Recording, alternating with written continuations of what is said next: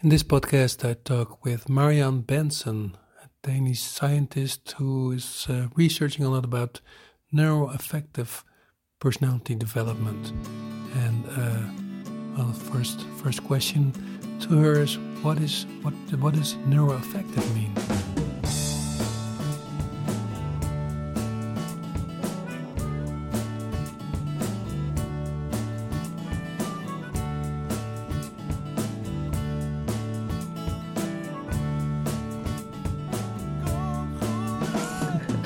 I, I, think we have to go back in history to have a sense of, of why do we use that term neuroaffective.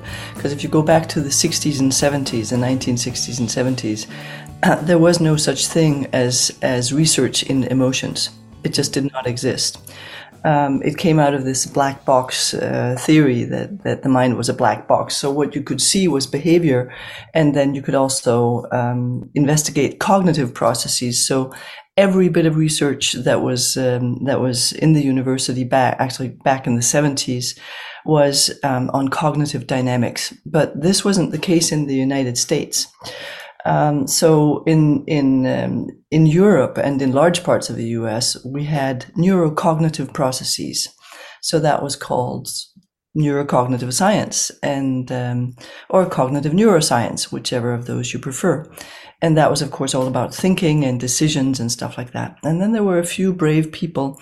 Uh, perhaps the best known of those is is um, um, Jaak Panksepp. And uh, he started investigating emotional uh, processes primarily in dogs and rats. And uh, what he found was, for the time, a complete revolution. And he called his work affective neuroscience.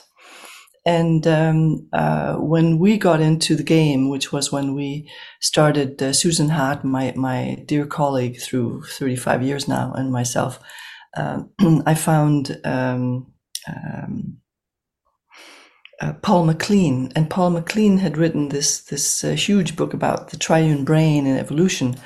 And the thing that blew me away at the time was that he started out with the concept uh, of of uh, the first beginnings of the brain, which which start in very primitive animals. You get the first neural networks, and then they are all about regulating uh, the basic nervous system. So they're all about you know hunger and and and uh, and fullness and satiety and stuff like that. But they're also about things like moving towards and moving away from. And they're also about being quiet or being active. All of those belong in our autonomic nervous system. And if you look at babies today, at children today, you can see that the first thing that develops is actually that level. So that babies are not born with a whole ton of different emotions they're born with these very basic uh, uh, skills that have to do with moving towards, moving away from high arousal, low arousal, comfort, discomfort. And uh, and even those can be lost depending on how the the parents and other surroundings respond to them. So they can they learn, so they can lose these capacities, but they can also develop them. And at the next level, the the uh, limbic level is what Paul MacLean called it. At the next level, you get this enormous and in, incredibly complex um, um, uh, unfolding of emotional skills. And what do emotional skills do? Well, they're a signaling system between us. Joy is a signaling system between us. my uh, I, I, take my dog to the park and she and she does play bows and sometimes something goes wrong with another dog they're both doing play bows and then they're running and, and play fighting and then something goes wrong and what happens is that the first dog then does another play bow. It's reaffirming it's a conversation it's reaffirming that this is a game. It's not because i did something bad to you seriously. And actually uh, she takes that language understanding with her so my husband was doing some exercises uh, in the basement uh, yesterday, and the dog was there, and he was doing one of these stretches, and the dog looked at him, and then she did a play bow and wanted to play with him. So, so there's this sense of, I understand that people don't talk my language, but this looks like something I know. So I think we're, I think he wants to play. Okay. so, think our are trying really hard to to communicate with us. Yeah, they are. Yeah. So you get this whole unpacking of, of the emotional field in animals and in humans, but it only unpacks, it's, it's a language, it unpacks um, through the way that we communicate with each other. So if we have a lot of smiling, if we have a lot of of uh, uh, expressiveness in our faces, this is also where we get the expression capacity in our face. Snakes have very little facial expression, let me tell you, but dogs and human beings have a lot of facial expressions. So uh, the facial expressions signal to others how we feel. And they do that largely without our knowing it. So you can see people when you're a psychotherapist, which I am, then you can see uh, people having a feeling in their face, and I, you know, they don't know yet what that feeling is. But if you wait a minute or two and ask them, then probably they will know by that time what that feeling is. Mm, yeah. So that's the feeling unpacking of the brain development aspect. And that grows into the cognitive, or in, in a certain sense, into our whole um, um, map, inner map, which is a cognitive process. Mapping things is, an, is a cognitive process. and it grows into this mapping of the world and of ourselves so that we develop, I know what my identity is. I know who I am, you know. Uh, probably not when I'm three, but I know something about who I am when I'm three. I know more about it when I'm 10. I don't know anything about it when I'm 13 because that's what puberty does to us. And then when I'm 18, 19, 20, 21, 23, 28, 30, I start to know more and more about who I am. This is a cognitive process and it develops out of these emotional processes. Uh-huh. So whole sequence is what we work with in the neuroaffective modality. And uh, uh, what um, Jaak Panksepp was studying was the emotional aspects of that. And uh, we took his term for it, which was affective neuroscience, and said, well, if they call the, the understanding of decisions and thoughts, if they call that neurocognitive, we can call this neuroaffective. Thank you. now that makes sense. Thank you very much. Yeah.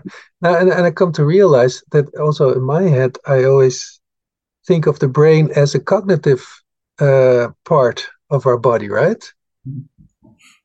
It's, it's not. it's mostly neuro neuroaffective. Yeah, it is. It's mostly, it's true. It's mostly it's basically neuroaffective. Even your cognitive parts are basically neuroaffective. All right, and and what can what can how can we use this as a as an entrance to a better understanding or therapy or or, or meditation? Mm-hmm. Well, I think that that uh, when I teach meditation or when I teach psychotherapy, I do both. Then the, what most people do is they start with the cognitive aspect. And when you do that, normally what you have, if you imagine that we have three blocks, okay, one on, on top of the other, on top of the third, then the lower block may be all about stress and oh my god i forgot this and i forgot that and i should have uh, polished my shoes yesterday or whatever. Or the lowest area doesn't think that but the lowest area is is is in stress. It's not active uh, in terms of being present. And the emotional level might be ruminating about well, what's going on with my children or what was that conflict with my husband about or something like that. And then there's this control part on top that's saying, be still. And the rest of the brain is going, you know? And, and so people are immediately involved in a fight. Do we believe that any part of us will become more quiet if there's a sort of a, a sergeant major sitting up top saying, be quiet, you know? No, we don't we have i have tons of, of experience with working with people that have never meditated before i've meditated once. And when i say well we're going to start with a bit of meditation today they say oh i can't meditate. I tried it you know and i can't stop my mind. And i'm like well i can't stop my mind either. I've been meditating for 30 years you know so it's not a problem. So what we do is we start from the bottom. We start by stretching. We start with movement. We start with finding our autonomic nervous system and finding out what is happening in my body and what does it want to do. And as that happens, the foundation quiets. Believe it or not, when the foundation quiets, then the limbic system starts to go, ah, okay, right. this is nice. The limbic system likes things that are pleasant. So it goes to pleasure, which is really an autonomic dynamic, but that goes to a sense of, ah, this is enjoyable. I like this. Mm-hmm. And that means that the emotional level is more quiet. And then we can go to uh, deciding where our attention is going, what our attention is doing. So basically, where most meditation and most psychotherapy starts from the top down. I want the story of your trauma, or let's control the brain, you know. I start from the bottom up. I start with the body, and then I go to the emotional level, and then I go to the mind. Wow. So I had a really lousy night. We were taping this in the morning. I, I slept terrible and my mind was running around and I noticed that when I was a little younger, I would you I would worry about stuff, but now I was just looking for things to worry about and I started thinking of Christmas, making Christmas cards, and I had some administration done and all kinds of wild ideas. But uh, and, and a dozen times I asked myself, or I ordered myself to stop thinking. And then I also was in a loop, started rethinking the same thing over and over. Mm-hmm. And then I, uh, I, I, I thought, oh, maybe I should find connect with my body. Um, and then I connected with my body, and I felt a huge unrest and like a, like my my life, my my body was turning or something. And when I paid attention to that, it started to becoming uh, uh less uh, and quieter. And then finally, I fell asleep. Thank you. You just did a, that was a very nice example of a neuroaffective intervention. I, I thought, should I bring this up in this interview because I believe in serendipity and, uh, well, here it is. that's right. That's right. That's right. So that's how it works. That's how it works. I also read in your book that meditation can be uh, a lot of times uh, can can be something outside the body, right? A, a sacral thing or a cognitive thing or an extra yeah. body thing. And you mentioned, or and that's what you're saying right now, that it should be or it can be to start within the body. Yeah, well, it starts in your perception, in your perceptive system. And your perceptive system is generally a, a large part of it. If we look at the brain, it, it has a, a whole, a very large part actually, uh, that's extra large in human beings even, that, that is all about organizing that there are somatic sensations inside of us and there are also uh, perceptions from outside of us. And then, uh, and they lie in lines. So the innermost part is, is uh, our inner perception and the outermost part is the rest of the world. And then there's about a third of the slice. If you think of a layer cake, there are three slices. The middle layer is all about being able to either allocate outwards or allocate inwards. And usually what I do is I start by, by getting a sense of ourselves inwards. And then I start getting, uh, I start working with a sense of, of uh, how uh, do we feel the world inside of us? For instance, right now there's this thing called grounding, which people have been working with in trauma therapy and also in all kinds of other therapy all the time. And generally we do that by, you know, feeling feeling our feet on the ground and feeling our, our butt on the chair and and uh, and uh, feeling how heavy we are and all that. And that's and that's in a way uh, fine except it's also very will oriented but we can also go to it with curiosity. Curiosity belongs to the autonomic nervous system. And if we start there I can ask you to try just very, very slightly, just if, if I'm putting my hand here so you can see it, if you lift your hand about this much from the table. So yeah, so if you do that, just that tiny little bit, and then you put it on the table again so people won't be able to see it, but you'll be able to experience it and you lift a finger or you start to lift your fingers, then you can feel something in them. You can feel their weight actually. But how do you feel their weight? How do you do that? Yeah, don't think about it. Keep feeling it. yeah, I saw you do that. so you're feeling the weight of them. There it is. And that's inside. That's right. Yeah. Yeah. And then slowly put your hand down again on the table or on your lap for that matter. And just feel how it, in a way, settles. There you are. And then there's a relaxation with that. Yeah. And you go, yeah. And if you go into your arm or and you just feel inside the arm. There's this, in a way, this fascinating thing that you can feel this this thing that you're not doing it. The the earth is doing it. Grounding is not something we're doing. Grounding is something the earth is doing. Wow. The planet is doing it. Yeah, yeah, yeah, yeah. And that's the that's where the world comes in. The you start to sense the world because you can sense the world inside of you. and when you sense the world, you discover something. You discover that you're not a tiny little atom that's floating around in this planet. You're constantly held. You're in this embrace from the planet. Yeah. And that's the first part of, of feeling a sense of connection and also a sense of, of uh, in a way, attachment to being part of the world. Yeah. Instead of in the world, you are the world. Yeah, but uh, in my practice, I have a lot of people who are having a fight with gravity, and you're saying this is our our ally, our friend. Absolutely. Absolutely. Gra- uh, grounding is not in our body; it's our, our connection with the world. Yes, it Yeah. is. It's Wow. a connection from the world, actually, Yeah. and So- endless, endless and non-judgmental connection from the planet. Mm, many questions. So, is neuroaffective also about proprioception or interoception? Both, probably. Yeah, both. All right. All right. So, mm, um, and and we also, uh, or in in your opinion, do we also store uh, emotions or traumas or things inside our body?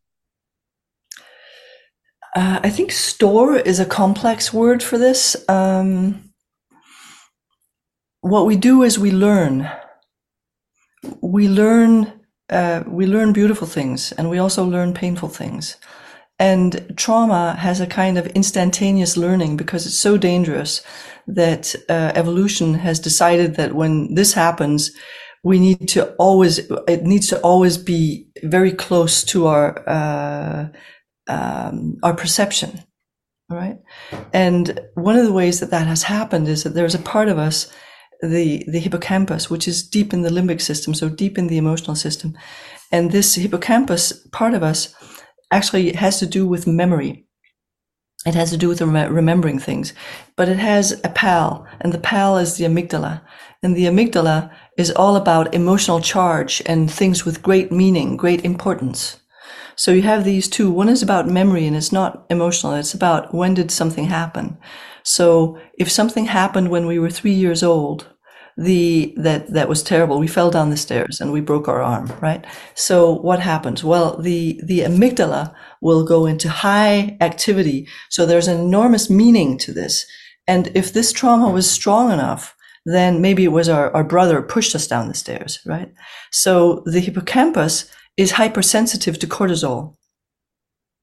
Cortisol is is a stress hormone. Uh, so when there's too much charge, the hippocampus shuts down. What does that mean? It means that in later years, when the uh, amygdala, in a way, sees a staircase, all this activity activates and it's terrified of going downstairs or upstairs, particularly, of course, when we get older. And when that happens, the hippocampus wasn't involved in the original process. So it doesn't feel like something that happened when it's, when I was three years old. It feels like it's happening now. And that's the basis of trauma. That's the foundation of traumatic experience. Yeah. Is that you get these traumatic memories, but they're not hooked into time. So um, you can say that the body stores them. You can also say that the amygdala, which is basically fast and sloppy, it's it's all about uh, catching danger before danger happens. But that also means that it, when it's it looks like it might be dangerous, the amygdala goes like, oh my goodness. And if the hippocampus is not online right away, sometimes it is. It's like that's not a snake, that's the garden hose. You know, that's not dangerous. So, um, but if the hippocampus is not online, then it seems very, very dangerous. And if people have a lot of trauma, many people have a lot of trauma. Many people have war trauma. Many people have sexual abuse trauma that's gone on for years. Many people have just traumatic events that have happened because once they have happened, there's a tendency that they happen again more easily because we more easily go into that state, which is a hmm. dangerous state to be in because we're not relating to our actual world around us. We're relating to the world that was, and we're going into states that are not helpful. We can't move aside from a car coming towards us if we're in our inner sense, we're actually, we've just fallen down the stairs and we broke our arm. Yeah. It's complex. So I would say the body doesn't exactly store trauma, but the body holds the memory or holds the experience of trauma and relates to that as if it's in the present.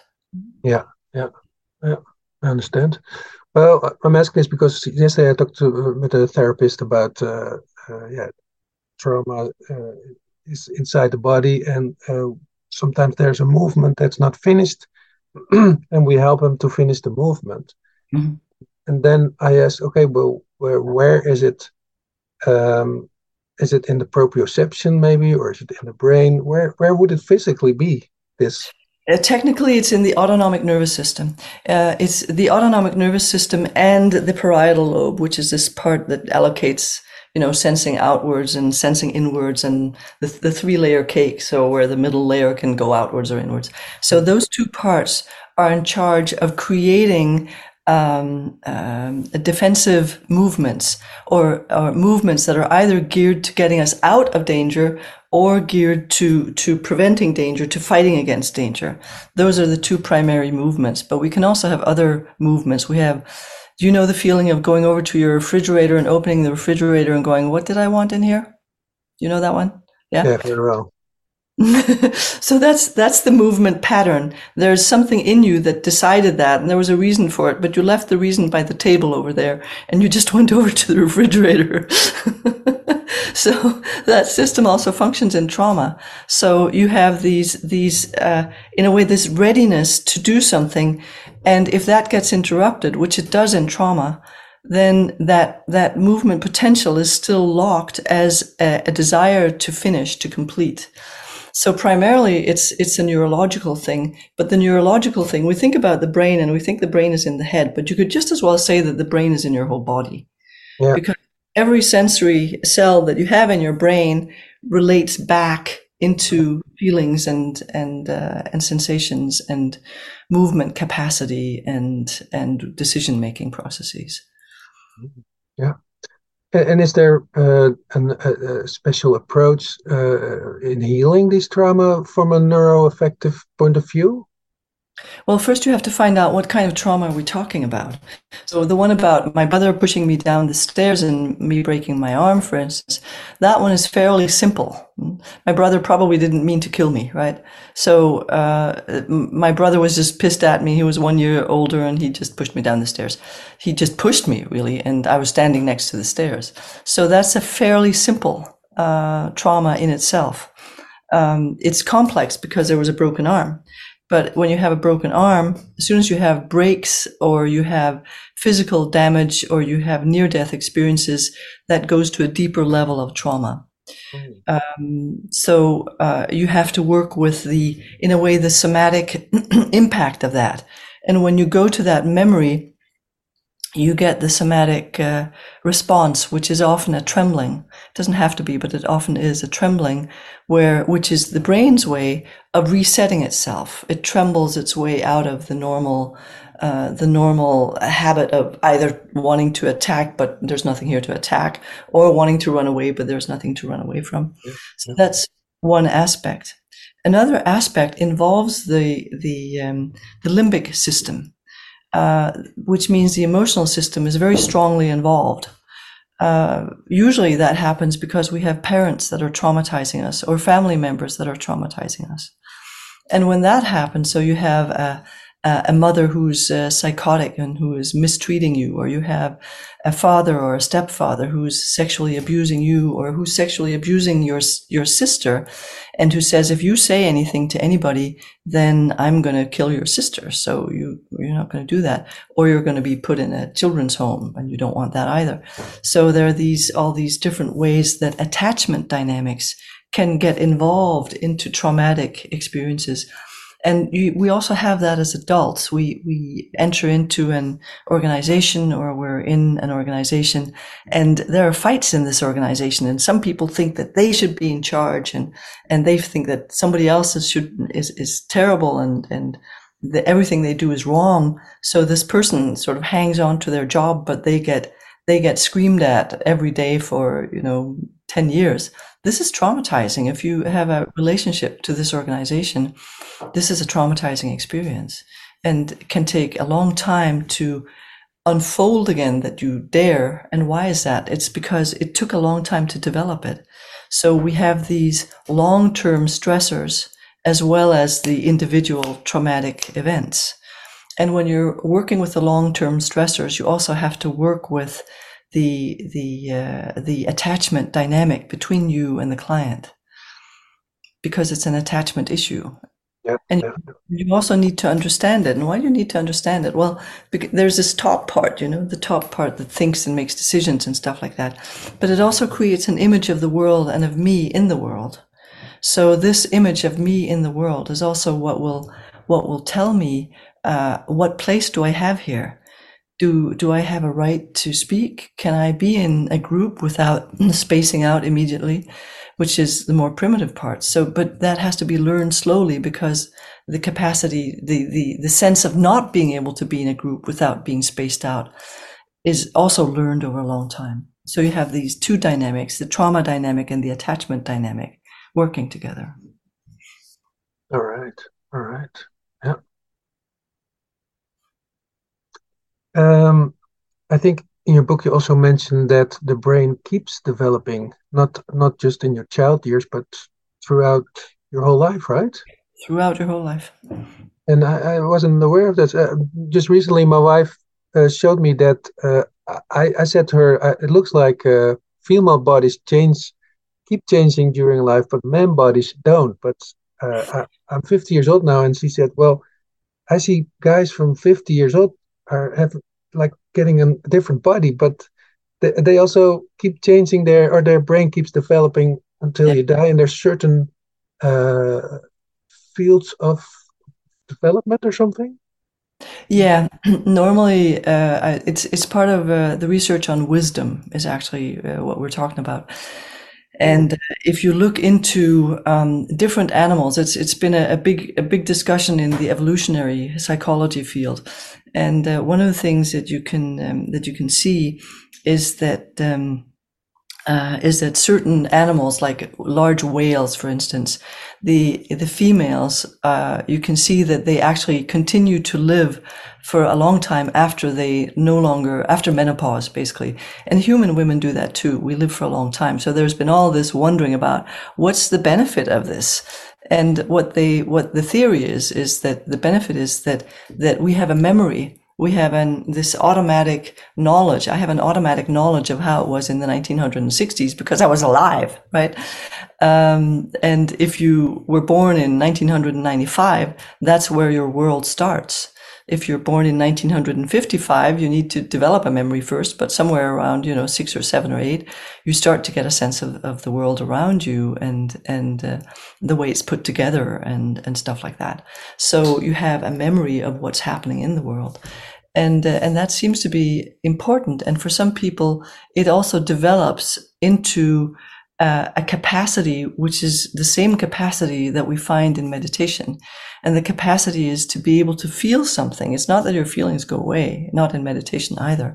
So your feelings are there, but there's also a, a, a space to the feeling. There's a sense of a little bit of space to the feeling and a sense that this has happened before and it will probably happen again.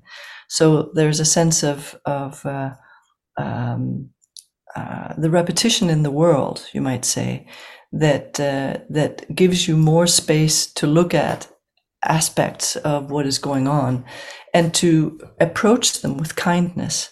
So the you are less easily traumatized, which is part of the trauma dynamic, by the way, that you're less easily traumatized when you're, say, in your 60s than you were when you were two years old. So you're less easily traumatized. You've seen a lot of things before and you don't think about them as much. If we look at learning patterns for 25 year olds, the learning pattern is that we start with knowing something. It's like a recipe in a cookbook, you know, start with this and then you do that and then you do that and then you do that and then you do that and then you do that and then you do that and then you end up with this. And if you're 65 years old, you do something completely different, which is actually in the thinking brain. You look at a situation, a context, and you kind of absorb the whole context as one thing and you go, okay, this is the important thing to look at right now. Mm-hmm. So it's a completely different way of working, it, and that's how your brain works. And it works that way because it's um, because it's weakened. Uh, in the twenties, you just need a very small part of your brain to do this step by step process. In your sixties, you need kind of your whole brain to do this this looking at everything at once uh, perspective. But um, I can I can say happily from the age of 68 that it seems as if it's still working just fine. So. well, that's interesting what you mentioned about whales and and uh, and humans. That so uh, you would say like if if we we if we don't have any reproduction functions anymore, we're good to go. But in mankind, we need that extra time from the older women and maybe men too. Yeah. In that time they are kinder. Maybe that's why uh, my parents or my mother treats my kids totally different than she treated me. But so we need that that wisdom or that that yeah. mildness for our new generations. Yes that's right. It's it's oh it's it's not personal. It's transpersonal. It's for our species. That's right. That's for our species it's amazing old people are for the species. That's right. Yeah, for continuation and the well, the other thing is um, maybe that's well for me that looks like a problem. If you get older, you get more conservative and more right wing. We seem to have a problem at that at this moment in Holland. well, yeah. let's talk about politics, right? Yeah, it's it's uh, it's complex. And I think you I think you don't hear much about the people that don't. They go the other way. Um, but there are certain certainly th- some things that that you look at differently. You look at issues, and you're looking at um, uh, you look at how that will work in terms of stability, as well as looking at it in terms of how it will work in terms of justice. Justice is much more a, a young person's uh, uh burning issue yeah. And stability is more of an old person's burning issue. And if you look at them, it's not like you just need one. You know, it's not like we can do with stability with no justice. It's not like we can do with justice with no stability either. We need both. So, mm. so how do you get them to fit together? Mm. I think also that I mean, it's there's an, a saying in wisdom research which is that um, wisdom comes with age, but sometimes age comes alone. And uh, and sometimes age does come alone. I, I remember an older woman who's long dead now. I guess she was about the age I am now, but she had been very beautiful when she was young, which I was not. She was very, very beautiful when she was young, and she had learned, you know, all the different things you can do with your face and all your clothes and all. Mm. And then suddenly, there she was in her in in her early sixties, and she wasn't beautiful anymore, and guys didn't look at her anymore. No and she was completely depressed and she had no idea. It was like she lost her identity. Yeah. And that's what you don't want to do. So you enjoy, you know, when you're young, enjoy the beauty of being young. Yeah. I enjoy the beauty of the young people that I see and this this overflow of, of energy. You know, why walk somewhere if you can run kind of thing. that I lost somewhere in my fifties, you know. but uh, but we have something else. We have partly we have the uh, uh, just the beauty of of uh, what the changing of the seasons looks like. Yeah. We have the sense of being able to look at at uh, a room or look at a person and and and see what is the core item, what is the core issue that we need to address here for this to turn into something more wholesome. We have a sense of a, a greater stability in the world as well. Yeah. The, the earth has been holding us for a very long time. Yeah, we, we know a, a thing or two about gravity, for instance. Well, I, I read a nice quote yesterday saying uh, when we talk about trees, we talk about trees keep growing.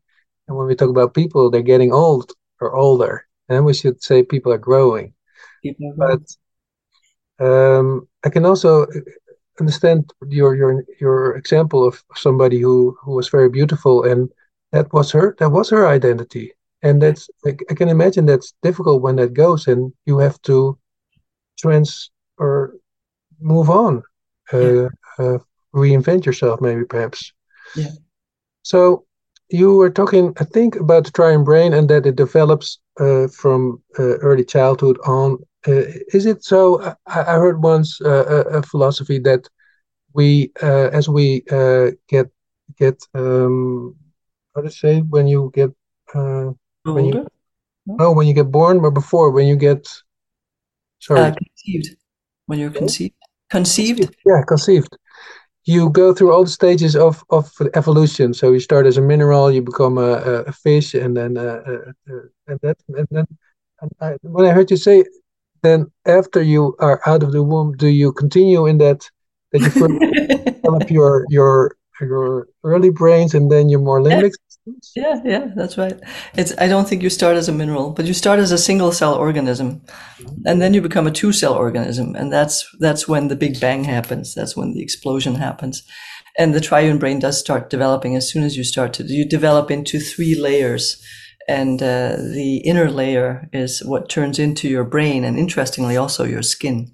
Yeah. So so you have uh, you have this this process and children actually start to learn uh, we we know now fairly i think it's a fairly recent discovery that um, that uh, babies and their mothers actually exchange cells. We used to think that they didn't but they exchange cells. And since the egg that you are was developed in your mother and your mother was developed in your grandmother the egg actually has uh, memory resonances from being inside your grandmother and living throughout the life of your mother until you're born.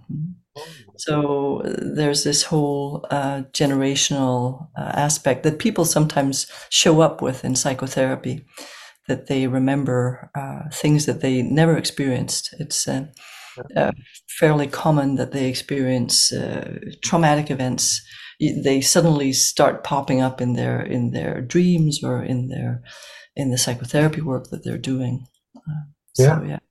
yeah. And you continue developing, you do continue, develop first the autonomic nervous system develops when that's online, the limbic system starts to develop. It's basically the neuron connections, the, the, the lines, like telephone lines between different areas of the brain grow and if they're not stimulated properly in other words if no if you if you have a mom who's on drugs so you get born and nobody knows she's on drugs but she is and you get put over in a in a cot and she's on drugs she doesn't know you're there and this will will create a, a very deep disturbance in your system because there was nobody there to to uh, invite you into contact yeah. to be excited about your looking at them to to uh, be happy when they see you to do things like that that and since we are so deeply we're we're deeply enmeshed in a system in our brains called mirror neurons mm. the the way that we relate to other people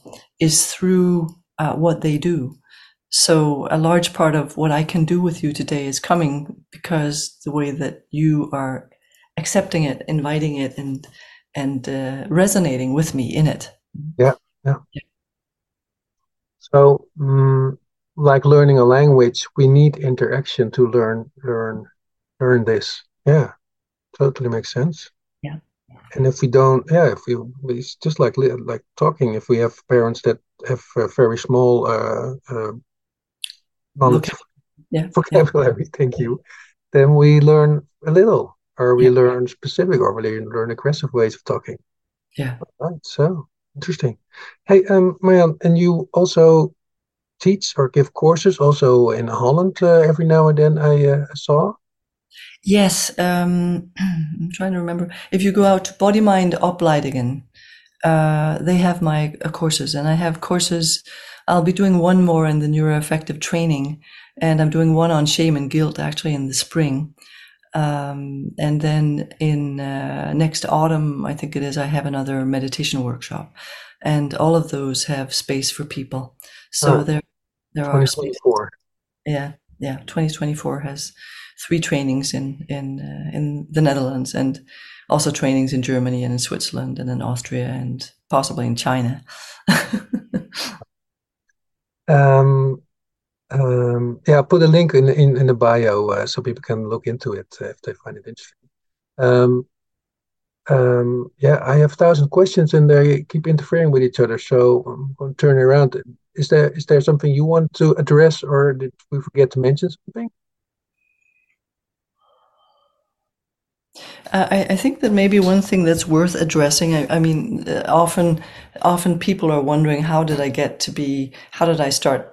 You know, a meditation uh, trainings when I'm a psychotherapist. How did that happen? Mm. And of course, it, it started happening in the early '90s when I was just interested in meditation for my own sake. Um, but then I think one of the things I realized through doing trauma therapy with with Peter Levine um, and Peter Levine developed this whole system called somatic experiencing that he has been working on ever since I met him and in a couple of decades before that too. And, uh, and I think one of the things that he and I uh, are, are working on uh, right now is a, a, book called Trauma and Spirituality. And, um, the the essence of that comes out of of my you know maybe 40 years of working with people with all kinds of issues. And Peter's 50 or 60 years of working with people uh, primarily that are traumatized. Um, and he's been in, in pretty much all the hot spots in the world. And, and one of the things that both of us realized was that there's this, there's this space inside of us that many people that are traumatized lose. And it is, it, it cannot be hurt. I, I, had a client say it to me recently. She has a, a, a terrible uh, life history, and she said recently, "You know, I, I um, I've never told anybody these stories before because I was afraid that they wouldn't recognize that there's something in me that cannot be hurt, and if they did recognize that, then they wouldn't. They would think it wasn't so bad." But it was terrible, and there was also a part of her that cannot be hurt. And that dichotomy is what we want to write this book about. So that's, I think, a, a very essential piece to get out to people in Holland, uh, where there's a lot of, of transgenerational trauma from World War II. Mm-hmm. And also uh, to people in many, many parts of the world where war has been ongoing, sometimes for, for centuries, that there is a part of us that cannot be hurt and it can also help us to heal. All right. And, and how do you link that with spirituality? Well, it's the same thing that they say in spirituality. It's that there's that we're looking for that part which cannot be heard. Wow. Yeah. Um, yeah, yeah. I read some some things in your book also about spirituality and and uh. Um, but I can't recall it anymore. So. Um, is it okay if we go to my last and favorite question? Yes, please. What makes a good therapist? What makes a good therapist? Um, the first thing that comes to mind is is what Søren Kierkegaard said. He said that uh, that um, if you want to help someone else, uh, you certainly have to know more than they do. But first of all, you have to know what they know. So, the first part of being a good therapist is to be able to hear what the other person has to not just to say, but also what the other person is not saying or cannot say. Wow. What they what they sense, what they feel. That's what it is to absorb another another person into your world. And I think that welcome has to be there in a good therapist. And we do that in a thousand different ways. And the next I think, is to not be busy, not to be busy thinking, not to be busy with someone else, not to be busy with what's for dinner, you know, to be there. Deze podcast is gemaakt door interviews Stefan van Rossum, redactie Esme Donker en Maurice de Gruiter. Muziek is van Stefan Alexander. Heb je interessante gasten of onderwerpen? Laat het ons weten. Vind je de podcast leuk? Vertel het aan andere mensen. En volg ons op SoundCloud, Spotify of iTunes. Bedankt voor het luisteren en tot de volgende keer.